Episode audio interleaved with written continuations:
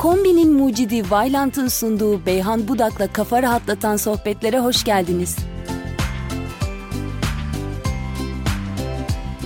Kimse bize söz vermemesine rağmen genelde hayat hep adil olacakmış gibi, güzel şeylerle geçecekmiş gibi bekliyoruz, algılıyoruz. Ancak iş yaşamaya gelince karşımıza irili ufaklı bir sürü problem çıkıyor. Eğer ki beklentimiz hep güzel geçmesinden yanaysa hayatın bu irili ufaklı problemler gerçekten ruh halimizi bozuyor ve karşılaştığımız problemlerle mücadele gücümüzü de azaltıyor. Bu podcast'te seninle küçük şeyleri nasıl kafaya takmayız, bakış açımızı nasıl değiştirebiliriz bunlardan bahsetmek istiyorum. Ben hayatı her zaman bir yola benzetmişimdir. Uzun bir yol aslında baktığımız zaman. Aslında nereden baktığımıza da bağlı. Başındayken e, çok uzunmuş gibi gelse de sona doğru muhtemelen birçok insan bu yolun kısa olduğundan şikayetçi olacak. İşte bu yol dümdüz bir yol değil aslında. Bazı aşamalarında virajlar var, bazı aşamalarında yokuş aşağı iniyoruz. Bazen e, yokuş yukarı ciddi anlamda nefes nefese kaldığımız kısımlar oluyor. Ama bu yolculuğun zorlu kısımlarından başka karşımıza bu yolculuk esnasında güzel insanlar çıkıyor. Bu insanlarla güzel ilişkiler kuruyoruz, bir yuva kuruyoruz belki de. Çok güzel manzaralara şahit şahit oluyoruz. İşte olayın bu doğasını kaçırdığımız zaman sadece güzel şeyler yaşayacakmışız gibi hissettiğimiz zaman karşımıza küçük engeller çıkınca beklentimiz biraz beklentimizin de yüksek olması sebebiyle çok kırılabiliyoruz, moralimiz bozulabiliyor. Eğer ki bir insan hayatın zorlu taraflarını da başından kabul ederse yaşadığı küçük problemlerde bunun hayatın bir parçası olduğunu, hayatın bir mücadeleden ibaret olduğunu düşünürse o zaman olaylara birazcık daha büyük resmi gözeterek bakabiliyor ve e, o anki hissettiği duygulanımdan, kötü hissiyattan, sanki hiç geçmeyecekmiş hissiyatından kurtulması çok daha kolay olabiliyor. Birçok insanla karşılaşıyorum günlük hayatta hem sosyal hayatta hem de danışanım olarak psikoterapiye gelen insanları dinlerken onların hayat hikayelerine şahit oluyorum. İnsanlara soruyorum özellikle zorlu zamanlarda, zorlu zamanlar yaşayan insanlara ve bu insanlar belki de hayatın mücadeleli kısmını atlatmış, belki de maddi olgunluğa ulaşmış insanlar. Artık hayatın mücadele edecek pek bir kısmı kalmamış. Sorduğum zaman şöyle bir soru. Geçmişte düşündüğün zaman en mutlu olduğun anlar ne zamandı diye Birçok insan neredeyse tamamına yakını bu soruyu sorduğum insanların geçmişte çok fazla mücadele ettikleri zamanı hayatlarının en güzel zamanı olarak tanımlıyor. Şimdi insan yaşarken bir şekilde yoruluyor, bunalıyor ve insan enteresan bir özelliği var. Yaşadığı anda yaşadığı şeyin gerçekten kendisi için iyi olup olmadığını, uzun vadede ne gibi katkıları olup olmayacağını çok kestiremiyor. Eğer o an sıkıntı hissediyorsa sadece sıkıntılıymış gibi kalıyor. Ama sonrasında geriye dönüp bakınca, hayat yaşanınca, sonuçlar alınınca o yaşanılan mücadeleli zamanların insan en güzel zamanı olduğunun farkına varıyor. İşte burada eğer sen hayatının mücadele içinde geçen bir zamanındaysan eğer ki başına çok büyük olaylar gelmezse eninde sonunda e, durgun ve stabil olduğun bir noktaya varacağını bilmen lazım. Ve bu stabil olan noktaya vardığın zaman geriye dönüp bakınca e, o en güzel yılların o mücadeleyle geçen yıllar olduğunu farkına varacaksın. Belki beni burada dinlerken çok fazla iyimser bulabilirsin. Ama emin ol sadece kendi bireysel tecrübelerimden yola çıkmıyorum. Binlerce insanla karşılaştım. Binlerce insanın kimseye anlatamadığı şeylere şahit oldum. İşte burada da tam olarak bu deneyimden yola çıkarak sana bunu söylüyorum. Hayat yolu içerisinde insan genelde aslında bir sonuç alamayacağı küçük mevzular için o kadar çok zaman kaybeder ki o küçük mevzular hayatın büyük bir kısmını mahvedebilir. İşte burada ben de bu durumdan muzdarip olan birisi olarak kendime şöyle bir prensip belirledim. Dedim ki at attığın taş ürküttüğün kurbağaya değiyor mu? Şimdi bu, burada neyi kastediyorum ondan bahsetmek istiyorum sana. Gün içinde o kadar çok küçük problem yaşıyoruz ki bu bir markette sıra beklerken birisinin önümüze geçmesi, trafikte araba sürerken böyle e, çok da e, hassas ve kibar olmayan bir diğer sürücünün önümüze arabasıyla kırması. Bu tür küçük olaylar neticesinde bazen bu arada bir parantez daha açmak istiyorum.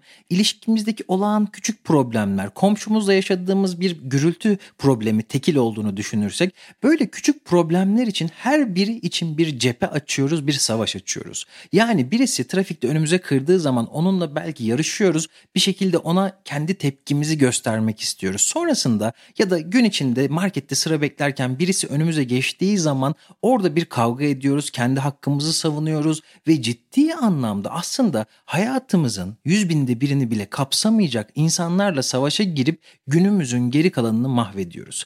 Ben hayatımda gösterdiğim tepkilerin sadece tepkiyle ibaret kalmadığını biliyorum. Bilmiyorum senin nasıl bir yapın var ama ben eğer ki birisiyle tartışırsam, birisiyle kavga edersem sonrasında kendimi kötü hissediyorum, öfkeli hissediyorum, yorgun hissediyorum. Belki de adaletsizliğe uğramış hissediyorum. Ama şu anda attığın taş, ürküttüğün kurbağaya değiyor mu prensibimden sonra şöyle düşünüyorum. Birisi Markette diyelim ki sırada önüme geçiyor. Diyorum ki acelesi vardır muhtemelen. O yüzden her konuda savaşmak yerine gerçekten işe yarayacak noktalarda, gerçekten bir mücadele etmemin değeceği noktada o emeğimi ortaya koyuyorum. Çünkü gün içinde moralimin bozuk olması, canımın sıkkın olması bana ve hayatımda olan diğer insanlara haksızlıkmış gibi geliyor. Çünkü e, etrafımızdaki o kadar çok aksaklık var ki, o kadar çok anlayışsız insan var ki, o kadar çok birbirinin hakkına giren insan var ki, adaletsizlik var ki hangi birisiyle savaşacaksın? Eğer her birine savaş açtığını düşünürsek senin hayatının sakin kalan bir tarafı kalmayacak ve böyle olunca içini öfke, gerginlik ve nefret kaplayacak. Ama birazcık birazcık diğer insanların küçük mevzularını aldırmayıp ya olur böyle şeyler deyip kendi içine dönüp günlük hayatını yaşamaya döndüğün zaman olayın senin için biraz farklılaştığını fark edeceksin. Şöyle düşün trafikte gidiyorsun.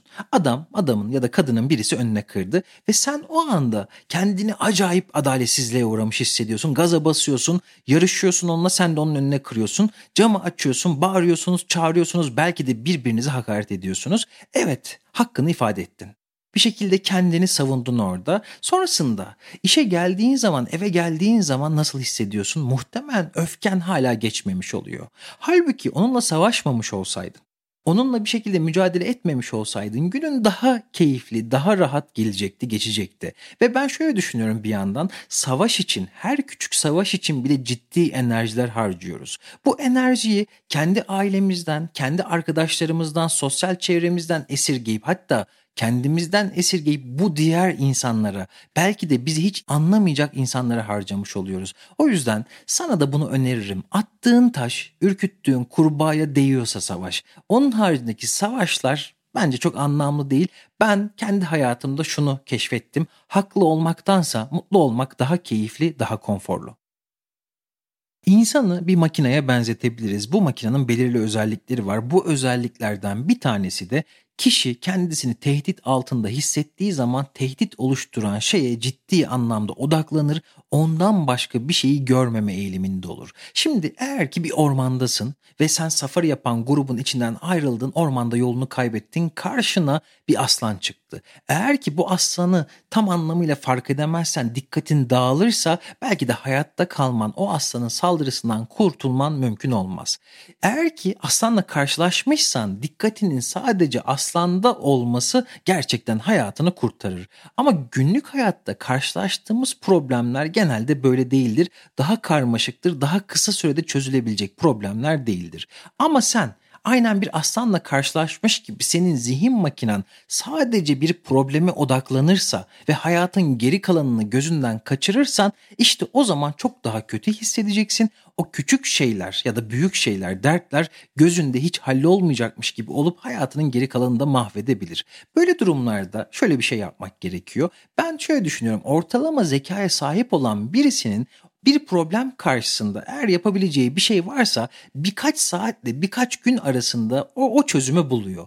Ama bazı problemler için o anda o zaman diliminde yapacak bir şey olmuyor. Ama insan zihin makinesi otomatik bir şekilde sadece probleme odaklanır ve hayatın geri kalanını kaçırırsa bu sefer insan çok daha kötü hissedebiliyor. Burada şuna dikkat etmek gerekiyor. Bir problem çözülebilecekse ve o problemi çözmek için yapabileceğimiz bir şeyler varsa o anda elimizden gelen her şeyi yapmamız gerekiyor. Ama dediğim gibi bazı problemler zamanla çözülebilir. Şu anda yapabilecek bir şeyimiz yoktur. Eğer böyle bir problemle kişi karşı karşıyaysa yapması gereken şey diyelim ki bu elindeki bir dert onu kenara köşeye koyması ve hayatının geri kalan zamanla devam etmesi gerekiyor rutinlerine. Şimdi bunu şuna da benzetebiliriz. Sınavdasın, çok önemli bir sınavdasın. Matematikten bir soruda takıldın. Bu soruyu çözmek için bütün dikkatini, bütün enerjini o soruya veriyorsun. Normalde her soru için tanımlanan süre 1-2 dakika maksimum. Ama sen bir bakmışsın ki bu soruya takıldığın için 15 dakika, 20 dakika, belki de yarım saat bu soruya emek harcamışsın, zaman vermişsin. Ne oluyor? Sınavın geri kalanını da kaybetmiş oluyorsun. İşte zorlu zamanlarda dertlere odaklanmak Aynen bu duruma benziyor. Eğer yapabileceğimiz bir şey varsa yaparız, yapamayacağımız bir şey varsa kenara köşeye koyup onu bekleyip hayatımızın geri kalanını devam etmemiz lazım. Çünkü yaşamazsak o problemi çözecek gücü de kendimizde bulamayız. İnsanlar psikologları şöyle zannediyor. Kafasına hiçbir şeyi takmıyor. Hiçbir şey onu mutsuz edemiyor. Halbuki gerçekte öyle bir durum değil. Sonuçta hiçbirimiz psikolog olarak doğmadık.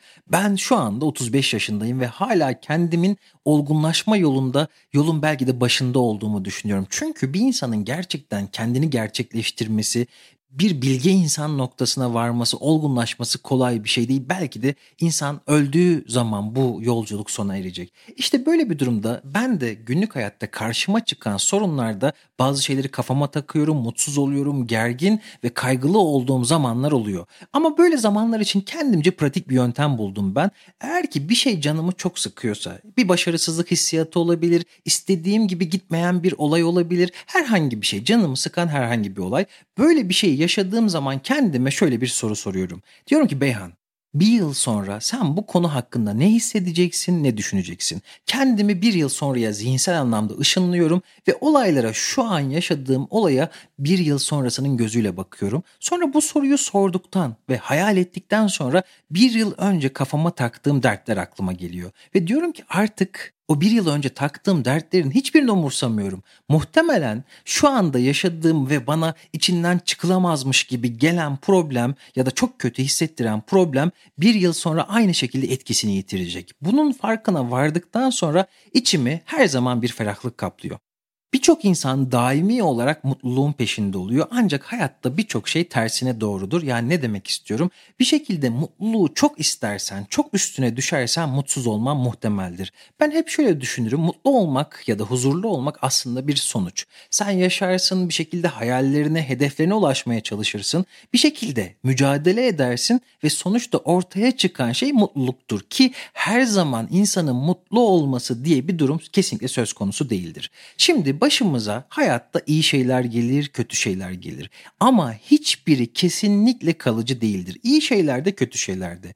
Burada şöyle bir durum var, paradoks var. Her zaman şu anda hayalini kurduğumuz çok güzel bir şeyi daimi olarak yaşadığımız zaman diyelim ki şu an kazandığımız paranın 100 katını kazanmaya başladık. Bir sene sonra muhtemelen bu 100 katını kazanma halde normalize olacak ve şu anki aldığım e, elime geçen maddi güç kadar kendimi iyi hissedebileceğim. Ya da sonrasında şu an başıma kötü bir olay geldi, canımı sıkan bir şey geldi ve ben bundan dolayı kendimi çok üzgün hissediyorum. En kötü ihtimalle ben buna alışacağım ve bir süre sonra bu benim için daha kolay bir noktaya gelecek. Yani hayatta iyi ya da kötü şeylerle karşılaştığımız andan kısa bir süre içerisinde onun coşkusunu, sıkıntısını hissederiz. Sonrasında her şey standarda biner. Hayatın büyük bir kısmı aslında sıradan. Sadece aynen iyi bir film gibi, iyi bir roman gibi belirli kısımlarda heyecan yükseliyor, gerilim artıyor ama genelde olay sıradan bir şekilde ilerliyor her şeyi yaşarken, iyi şeylerde de, iyi şeylerin coşkusuna kapılırken de ya bu bir kalıcı bir hal değil, eninde sonunda normalime döneceğim diye, kötü şeyler yaşarken de bunun bir ömür boyu sürmeyeceğini, en kötü ihtimalle alışacağını fark etmek, hatırlamak çok ama çok önemli. İnsanın modu düşük olduğu zaman, morali bozuk olduğu zaman sanki içinde bulunduğu durum kapkaranlıkmış gibi gelir ve böyle zamanlarda o yaşadığımız canımızı sıkan olayı mahvolmuş gibi, düzelmeyecekmiş gibi, her şey daha da kötüye gidecekmiş gibi yorumlayabiliriz. Ancak burada duygusal bir hataya düşer birçok insan. O duyguların, olumsuz duyguların etkisiyle yaşadığı gerçekliği yanlış değerlendirdiğinin farkına varmaz. İşte böyle zamanlarda işine yarayacak bir yöntem biliyorum. Ben Ben kendi hayatımda da sıklıkla uyguluyorum. Diyelim ki işler kötü gidiyor o anda içimi bir korku sarıyor. Diyorum ki mahvoldum bittim daha da kötü bir noktaya gelecek böyle. Ama şöyle bir mantık hatası oluyor burada. İnsan kötü hissederken olayı mantıklı bir şekilde aşama aşama düşünmez. Sadece bir iki adımını düşünür sonrasında bittim mahvoldum der. Halbuki buradan sonrasında en kötüsünü hesap eder ve o yaşanılan kötü olaya dayanamayacakmış gibi bir şekilde baş edemeyecekmiş gibi hisseder. Burada şu soruyu sormak gerekiyor. En kötü ne olabilir? İnsan bu soruyu sorduğu zaman şöyle bir durum ortaya çıkıyor. En kötüsünü hayal ettiğin zaman aslında hayal ettiğin kadar kötü olmadığının farkına varacaksın. Ve birçok insan kendi içinde saklı olan gücün gerçekte farkında değil.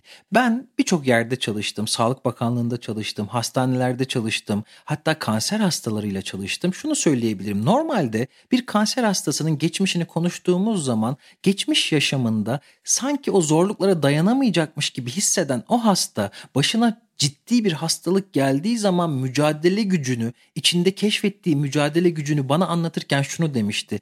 Ben asla dayanamam zannederdim ama şu an içimden inanılmaz güçlü bir başka bir insan çıktı. İşte tam olarak böyle. İnsan en kötüsünü düşündüğü zaman aslında e, yeterince güçsüz olmadığını, onunla baş edebileceğini ve en kötü ihtimalde bile bir çıkış kapısı olduğunu fark edebiliyor. Dediğim gibi bir yandan da İnsanın temelde böyle durumlardan korkmasının sebebi kendi içinde baş edemeyeceğim, yapamayacağım, bir şekilde gücüm yetmeyecek gibi düşünmesi ama birçok insanın neredeyse her insanın içinde e, zorlu durumlarla baş etmesi için saklı bir güç var. Sanki bu bir kara kutu gibi, uçağın kara kutusu gibi gizli kenarda bir yerde duruyor. Belki sen şu anda beni dinlerken Diyeceksin ki ben de o güç yok. Hayır o güç sende de var. Sadece sen bu durumla sınanmadığın için o ortaya çıkmadı. O yüzden en kötüsü ne olabilir diye sormak genelde beni rahatlatıyor. Seni de rahatlatacağını düşünüyorum.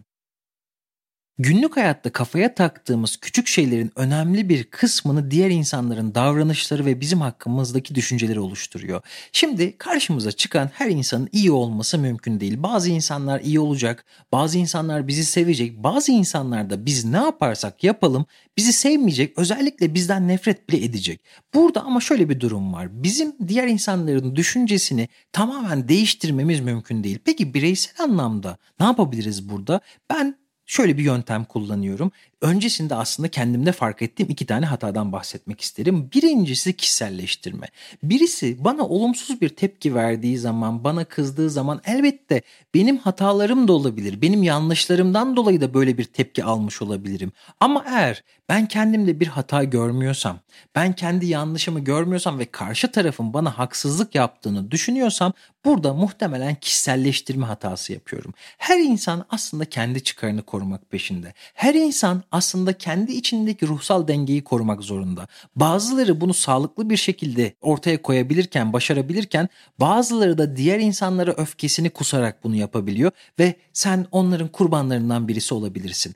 Birisi sana öfke gösterdiği zaman, canını sıktığı zaman ilk başta kendini bir suçlama. De ki bir e, onun acaba bir derdi mi var? Onun derdi ne? Neden böyle davranıyor? Belki de onun senin canını sıkan davranışlarının altında kişinin kendisiyle alakalı halledemediği bir öfke vardır. Mesela ben şöyle düşünüyorum. Birisi mesela sana hakaret vari konuşuyor. Birisi senin canını sıkıyor. Birisi seni küçümsüyor. Aklı başında olan gerçekten ilişki kurmak isteyen, sağlıklı ilişki kurmak isteyen hiçbir insan karşısındaki insanı küçümsemez, aşağılamaz. Eğer ki böyle bir davranış ortaya koymaya çalışıyorsa muhtemelen kendi içinde bir yerlerde bir aşağılık kompleksi hissediyordur hissettiği aşağılık kompleksini kolayca düzeltemeyeceği için belki de bununla yüzleşemeyeceği için diğer insanlara öfkesini yansıtarak kendi içinde bir denge oluşturmaya çalışıyor. Yani o anda sen seninle alakalı olduğunu düşündüğün şey aslında karşı tarafın bir kendini kurtarma çabası.